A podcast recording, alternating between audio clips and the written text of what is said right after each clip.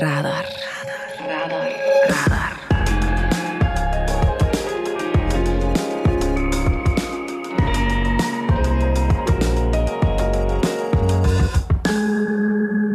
Er zijn twee redenen om stikjaloers te zijn op onze filmrecensent Jeroen Struis. Eén, hij zit momenteel op het filmfestival in Venetië. En twee, hij zag daar als een van de eerste de verfilming waar het hardst naar werd uitgekeken. De film Dune.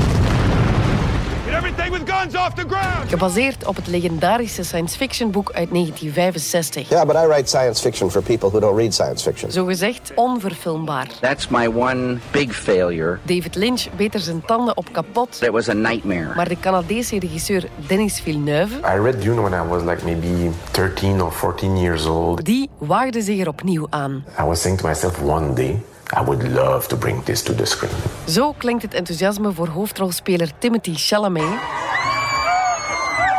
En het enthousiasme voor de volledige film, dat krijg je zo meteen van Jeroen zelf. En we gaan het hebben over Sally Rooney, de Ierse schrijfster van Normale Mensen en Gesprekken met Vrienden.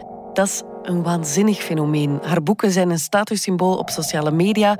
Fans staan om middernacht in rijen aan te schuiven voor een eerste exemplaar van haar nieuwste boek. Ja, ik zei het al, waanzin. Wordt zij terecht de eerste grote millennial-auteur genoemd? Onze literatuurrecensent Sam de Wilde verklaart de hype en vertelt of ze een blijver is. Welkom bij Radar. Come with me. It's time. Radar. Radar.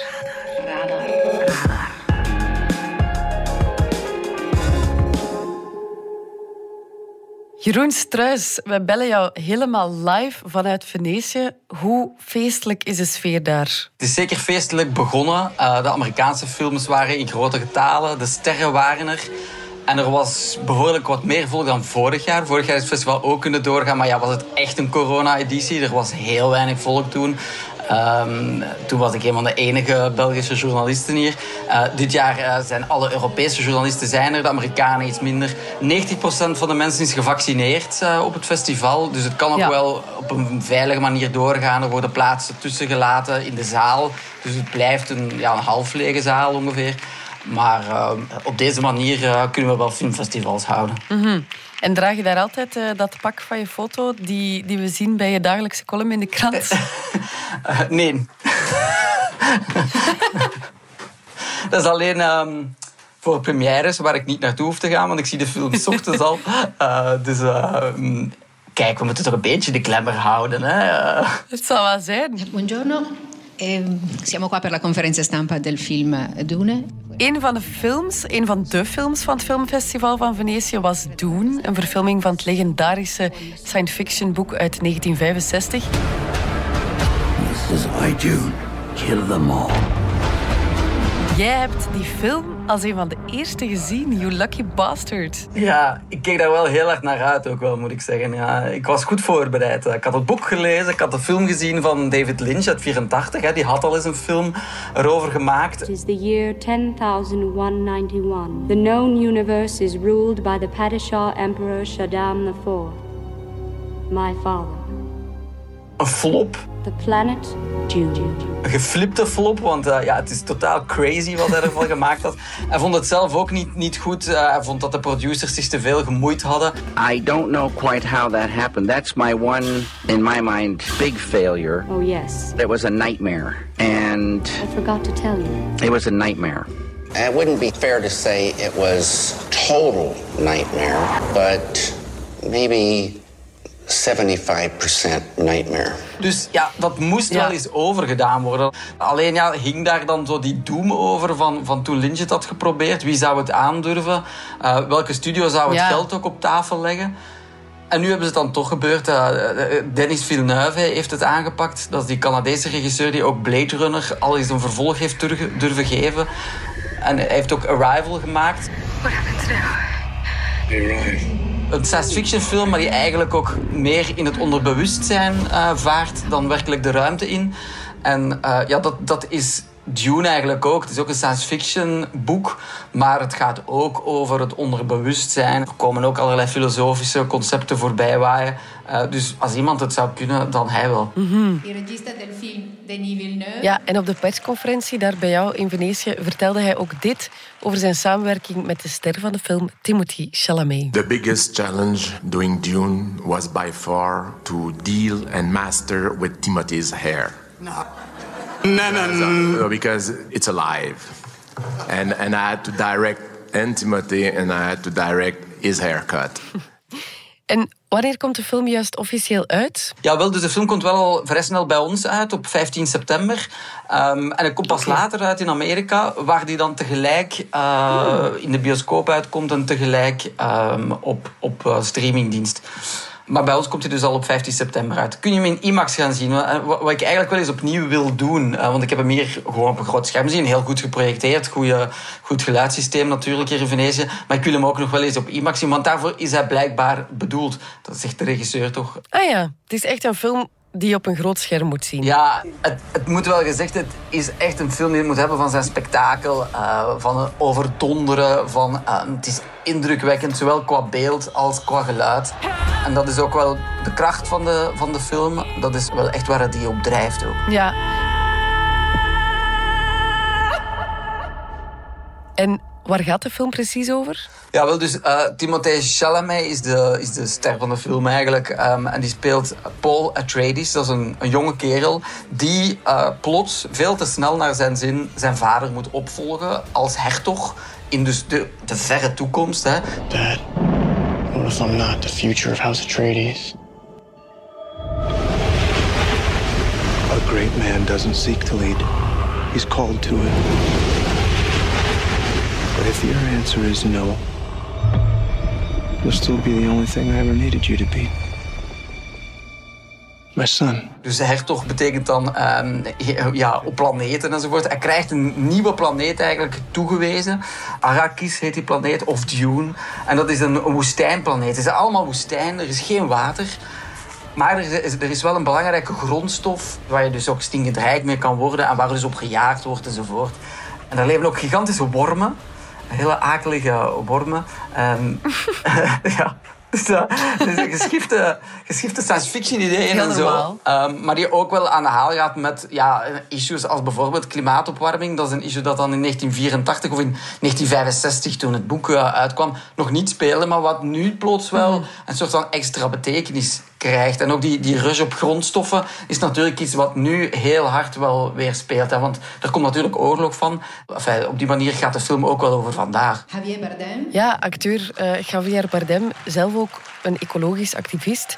Die zei op de persconferentie het volgende uh, over zijn personage. My character in this movie is defending the environmental aspect of the planet in order to at least make his tribe, his people survive. And I was absolutely linked emotionally or conceptually to that color of the character immediately when I read it in the book and when I read it in the script. Het is ook een film met de ambitie om een franchise te worden, hè? Zit dat erin? Ja, dat, dat, dat is echt heel duidelijk. Uh, dat wordt ook zeer duidelijk gecommuniceerd. Deel 1 staat er ook in het begin van de film. En um, ja, ook naar het einde toe wordt het wel heel duidelijk dat um, Villeneuve alleszins en waarschijnlijk ook de studio er graag een vervolg op zou maken die is nog niet opgenomen. Dus ja, ze houden toch nog een slag om de arm, denk ik. Van, ja, gaat het volk nu wel opdagen? Uh, in tegenstelling tot in 84. Ja. Chalamet? Chalamet heeft al laten weten op de persconferentie hier in Venetië... dat hij een sequel wel ziet zitten. I hope we get to do a second one. That'll be a dream. Hopefully people go see it, but this has already been a dream come true. Dus dat belooft wel. Um, ja, want zonder hem ja, wordt dat natuurlijk moeilijk. Uh, want hij moet, hij moet die hoofdrol blijven spelen. Ja, je hebt het zelf ook de nieuwe Star Wars genoemd, hè? Ja, de nieuwe oude Star Wars zou je eigenlijk kunnen zeggen. Want ja, Star Wars was eigenlijk ook heel sterk beïnvloed door dat boek uit 65. George Lucas had dat gelezen en heeft daar heel zichtbaar veel ideeën uitgeplukt.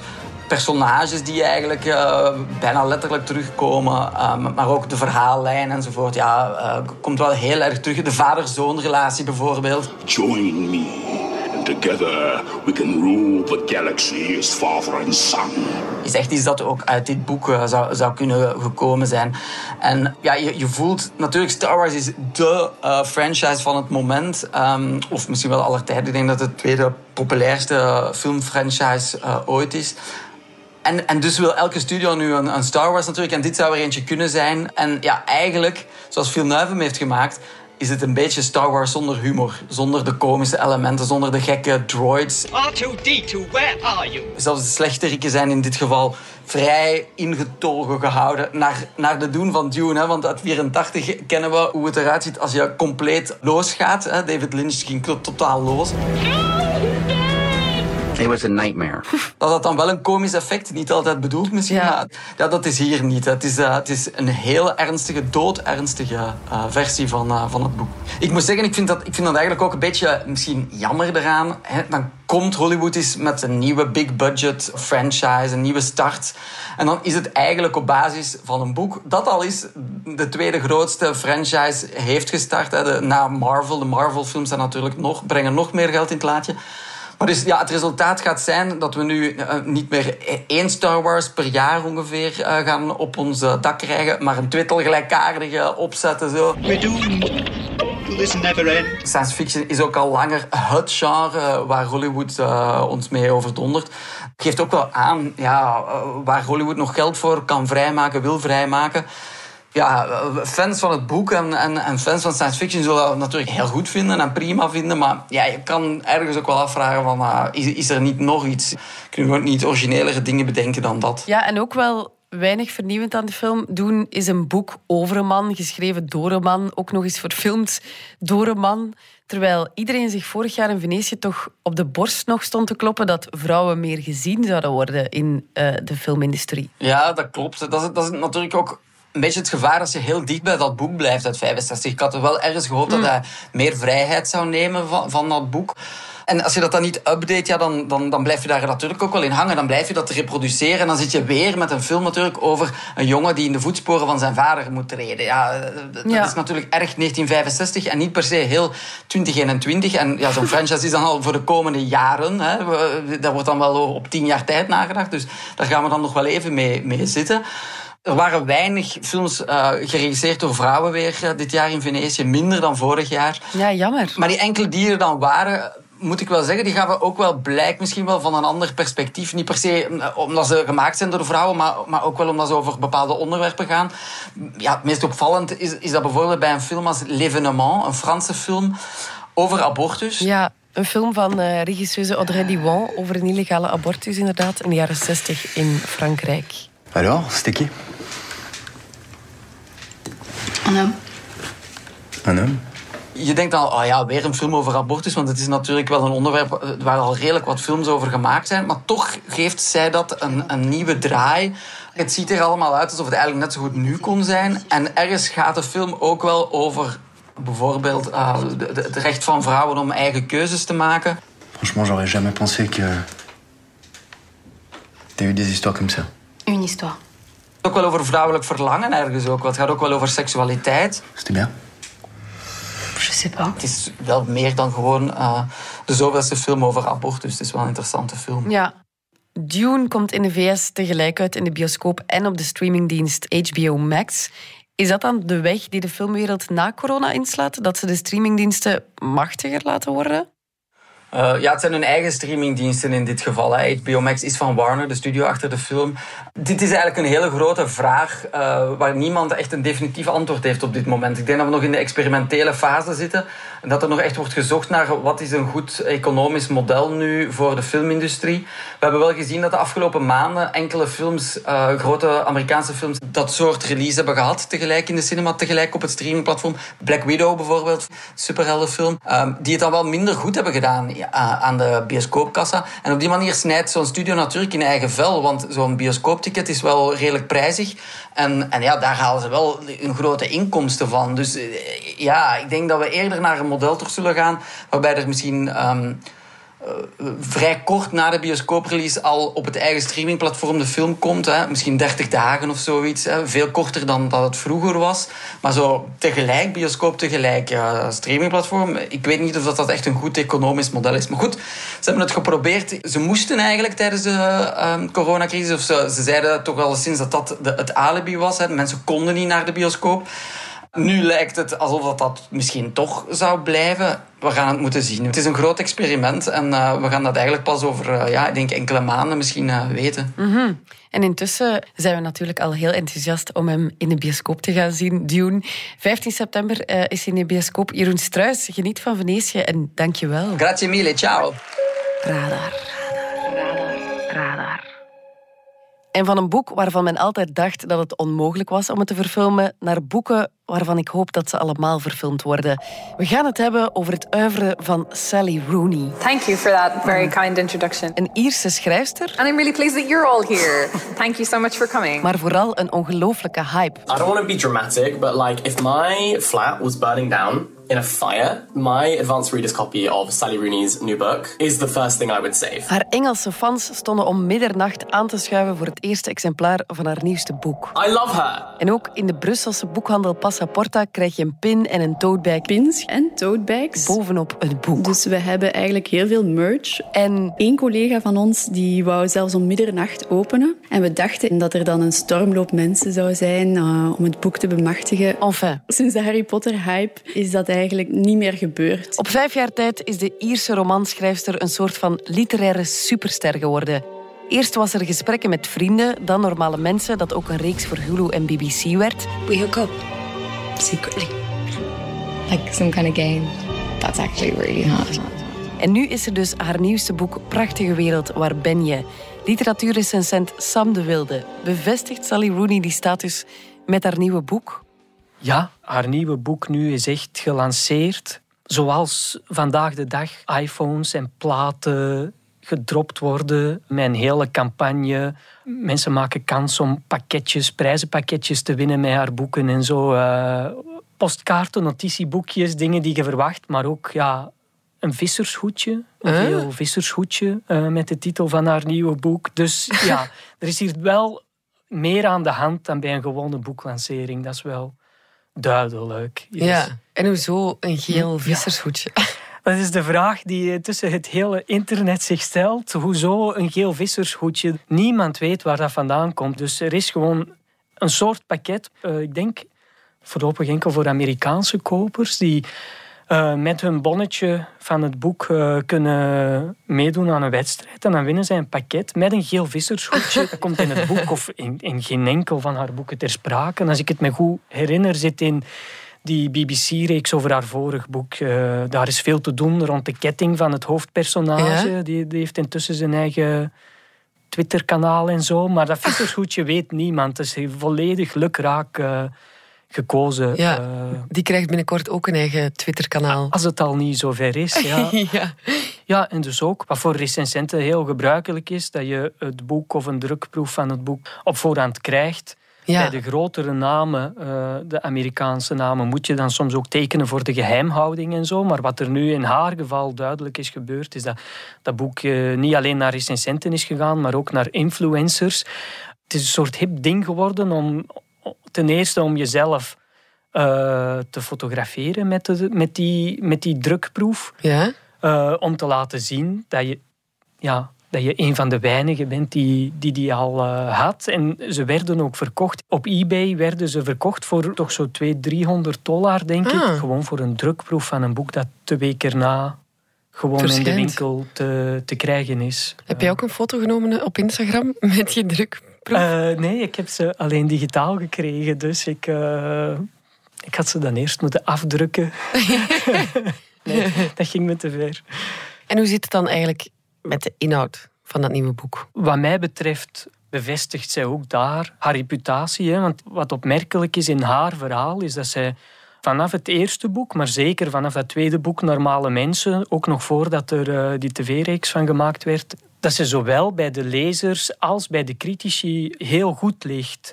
Ik heb het zelf drie sterren gegeven. Ik vond Normale Mensen vier waard. Dat vond ik echt, echt uitzonderlijk. Ik vind dit nog steeds een heel goed boek. Maar ik denk dat iedereen die verliefd is geworden op Sally Rooney via normale mensen, Mhm. dit nieuwe boek zo net ja, Iets minder verliefd is. net iets minder verliefd zal zijn. Maar ja, het is opnieuw iets dat we nu al als een soort echt Sally Rooney boek kunnen omschrijven of zo. Dus diezelfde mengeling van romantiek en eh, politieke issues. En, en dat doet ze opnieuw heel goed. Het grootste verschil voor mij is dat ze hier die twee iets meer gescheiden houdt of zo. eh, Waar die in het vorige boek iets meer natuurlijk in elkaar opgingen. Wie het meer leest voor zo gewoon het pure, ja, wie doet het met wie verhaal.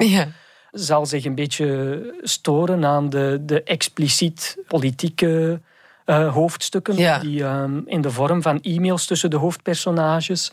Die, die zijn inhoudelijk sterk, maar zijn ook zwaar aangezet. Dus zo, soms bijna pamfletten Hmm. over klimaatverandering, sociale politiek ook en zo. Het zijn geen mails zoals normale vrienden onder elkaar gezellig zouden sturen. Of... Ik heb er nog nooit eh, zulke mails gestuurd. Nee. en ook nog nooit zulke mails ontvangen. Hmm. En eh, in normale mensen stond ook meer een liefdesrelatie centraal. Hè? Ja, dat klopt. Is dit nu ook zo? In dit boek is het echt de vriendschap tussen twee vriendinnen. Wat ook opmerkelijk is. Zo verschijnen er gewoon niet, niet zoveel boeken. Ja. En wie zijn die twee vriendinnen? Ja, dus er is eh, Alice en er is Eileen. Alice duidelijk geïnspireerd op, op Sally Rooney zelf, een Ja. jonge schrijfster die zich wat afzondert om aan een nieuw boek te werken. I believe that I am my characters. I think that they are all, to some extent, refractions of or angles on my own psychology and my experiences of life. Dat loopt niet heel vlot. Ze worstelt met de roem die ze na haar vorige roman gekregen heeft. Ehm, en dat zijn dingen waar zij zelf ook al over heeft gesproken, waar ze het zelf ook moeilijk mee heeft. Het- It's all happened quite quickly. And I definitely think I'm still acclimatizing to it and finding ways to think about it. And I still haven't really managed to think about it in any way that makes sense to me. So I'm still trying to feel my way through it and to come up with ways of thinking about and conceptualizing the world of publishing and, and the fact that my books are out in the world. En dus de vriendin Eileen werkt in ook in de literaire wereld. Zij is redactrice bij een, eh, bij een literair tijdschrift. En dus ja, de kern van de roman zijn de, ja, de, de verhouding tussen die twee en het liefdesleven van die twee, waar ze elkaar ook over schrijven. Rooney is zelf pas 30 hè? en eh, ze wordt de eerste grote millennial-auteur genoemd. Sam, jij bent een oude millennial? Kan ik dat zo zeggen? Ja, ja ik denk zelfs een te oude millennial. in, in die zin dat ik herken mezelf niet echt in de personages of zo. Ik heb echt het gevoel dat hier al een, een andere volgende generatie aan het woord is. Dus ik, ik lees het zelf meer als een, bijna als een, een sociologische studie van die generatie of over die generatie. En ik denk dat heel wat recensenten het zo gelezen hebben Ja. en ook haar vorige boek zo gelezen hebben en dat ook het hele idee van dat ze de stem van, die, van de millennials is, van die generatie, dat het ook daar is ontstaan. Ja. Eh, bij mensen die, die het van op een afstandje bekijken, die zelf geen deel uitmaken van die generatie. Omdat het te ver van je bed is dan? Of? Eh, ja, ik denk het. En dat is de, de makkelijke verklaring voor het feit dat ze zo gebombardeerd is tot stem van de generatie. Ja, haar, haar personages ja, die sturen gewoon soms e-mails. Die hebben smartphones, die sturen berichten, die gebruiken Tinder. En Sally Rooney beschrijft dat allemaal heel natuurlijk. Ja, ja, ja. Nu, een kleine kanttekening. Ehm, mails, is dat niet iets voor een iets oudere generatie? Misschien toch jouw generatie? Ja, en ik denk dat zij ook dat zij soms ook wat meer naar die kant neigt. Ik denk dat dat ook iets heel typisch voor haar is. Dat zij ook heel erg houdt van die communicatievorm. Toen ze de, de Salinger van de Snapchat-generatie werd genoemd, heeft ze later in interviews zelf gezegd van ah ja, ik moest eigenlijk opzoeken wat eh, Snapchat precies was. Ehm, ze heeft wel een tijd lang Twitter heel intensief gebruikt, maar daar is ze mee gestopt. Maar ja, Twitter is wellicht ook al voor het iets oudere deel van die generatie Ja. of zo. Maar daar is ze mee gestopt. Ik denk dat het te maken heeft met de moeite die ze zelf heeft, met de roem en de aandacht die ze daar kreeg. Heb jij jezelf al eens gegoogeld, zoals het personage in haar boek Eileen? Ja, eh, zoals iedereen, denk ik. Maar het is om na te kijken of zo dat er nog steeds weinig te vinden is.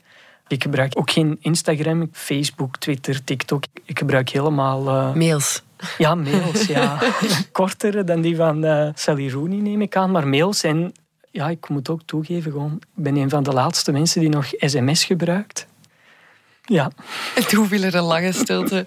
Wat ik wel al gedaan heb, zoals uh, de personages van Rooney het ook doen, is de ex-vrienden van mijn vrouw googelen. en uh, zo heb ik onlangs ontdekt dat eentje miljonair is geworden. dat is wel vreemd en ik ben Google er niet dankbaar voor. Het feit dat ze uh, WhatsApp en, en internet en, en Tinder en zo, dat ze dat beschrijft in haar boek, is dat de enige reden waarom ze de eerste grote millennial auteur wordt genoemd? Uh, nee, dat is wel zo de, de meest uh, voor de hand liggende en daardoor ook zo de meest oppervlakkige reden. Maar ja, de interessantste reden is dat ze de gevoeligheden van haar generatie heel goed weet te vatten en, en te beschrijven. En dan vooral de grootste tegenstelling. Dus enerzijds zo de, de navelstaarderij waar die generatie vaak van beschuldigd wordt en hun betrokkenheid bij de grotere wereldproblemen, de klimaatverandering, politiek, dat ze die dingen weet zij gewoon heel goed uh, te verenigen. En zeker in dit boek geeft zij heel expliciet antwoord op die vraag. Ja. Dat die focus op persoonlijke, op, op persoonlijke relatie, dat dat heel goed te verenigen is met een betrokkenheid voor de, ja, ik weet niet, de catastrofe die die generatie zo boven het hoofd hangt. Ja. Zowel economisch als uh, wat het klimaat betreft. En dat is wat ze heel mooi doet in dit boek, is aantonen dat het ene, die betrokkenheid bij de wereld, eigenlijk geen zin heeft als dat niet gecombineerd is met een, een heel intieme persoonlijke aandacht of zo voor de mensen rondom. Ja. En dat is ook een antwoord op de mensen die haar boeken te licht vinden. Die zeggen, ja, eigenlijk is het alleen maar dat romantische verhaaltje van blijf, blijft een koppel samen of niet. En wat zij mooi aantoont, is dat die vraag van blijven die twee mensen samen even belangrijk of even groot is als de vraag van, ja, gaat de planeet ons overleven of zo. Mhm, Uh, mhm. En heeft haar status als millennial-auteur ook te maken met de manier waarop ze uh, de relaties van haar personages portretteert? Ik heb het gevoel dat ze door haar eigen generatie ook graag gelezen wordt. Ja, net Dus- daarom eigenlijk. Ja, dus Ja. door millennials zelf. En dat komt omdat ze hun gevoelswereld of gevoelsleven heel treffend en mooi weet, weet te omschrijven. Daar kan ze zich heel goed in verplaatsen in de manier waarop ze zelf hun relaties omschrijven of beleven. Hun weigering om die relaties precies te definiëren. Waarbij ik als oude millennial of zo dan als, als lezer wel eens denk van ja, het is toch overduidelijk wat, eh, wat jullie samen hebben. Eh, Ja. ja, ik ben een millennial, dus voor mij is dat zo heel normaal. Dat het allemaal wat vaag en wazig is. en ik denk dan soms, ja, noem het nu maar gewoon liefde en aanvaard het maar gewoon. Eh, maar, maar ik denk dat ze dat heel goed weet te vatten of Ja. zo. Ook voor mij. Ik heb soms ook het gevoel dat, dat eh, haar personages en, en bij uitbreiding haar generatie die eigen gevoelswereld en wat ze ermee doen, ja, hoe zal ik het zeggen, nou, bijna hun enige wapen is tegen wat er van de buitenwereld, wat er op en af komt of zo. Eh, Op welke manier? ja, dat er zo bij het wegvallen van, van alle zekerheden waar de vorige generaties wel van hebben kunnen genieten, dat de enige zekerheid is die, die voor hen nog overblijft. De oprechtheid van hun eigen gevoelens. Ja, maar zoals je zei, het is meer dan liefdesrelaties. Hè. Het is ook echt een politiek boek. Ze noemt zichzelf zelfs een marxiste. Eh, ja, dat klopt. In my own life, the way that I think about the world that we live in is probably mostly through a sort of Marxist framework. Dat neemt ze serieus. So it's kind of something that I that I struggle with and that I think about a lot when I'm writing. Ze heeft duidelijke en mooi geformuleerde bezwaren bij de manier waarop de kapitalistische samenleving werkt. En ik denk dat dat een van de grote vragen wordt voor de rest van haar carrière. Hoe Ja. gaat zij zich daar nu verder tegenover verhouden als schrijfster? Ja. Eh, want dat heeft nu wel degelijk andere proporties aangenomen. Haar tweede boek was lang verwacht, was veel rond te doen, omdat het eerste het al goed had gedaan. Ook door de tv-serie.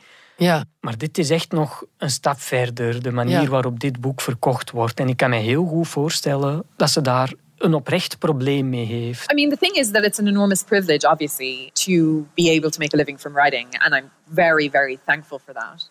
But it does mean that I become the ambassador of my work in a way that I don't feel qualified to be or equipped to be. Ze heeft ook al gezegd dat ze het heel vreemd vindt dat ze gewoon omdat ze twee goede boeken heeft geschreven of goed verkopende boeken, dat ze plots een meervoud verdient van wat haar man verdient die leerkracht is.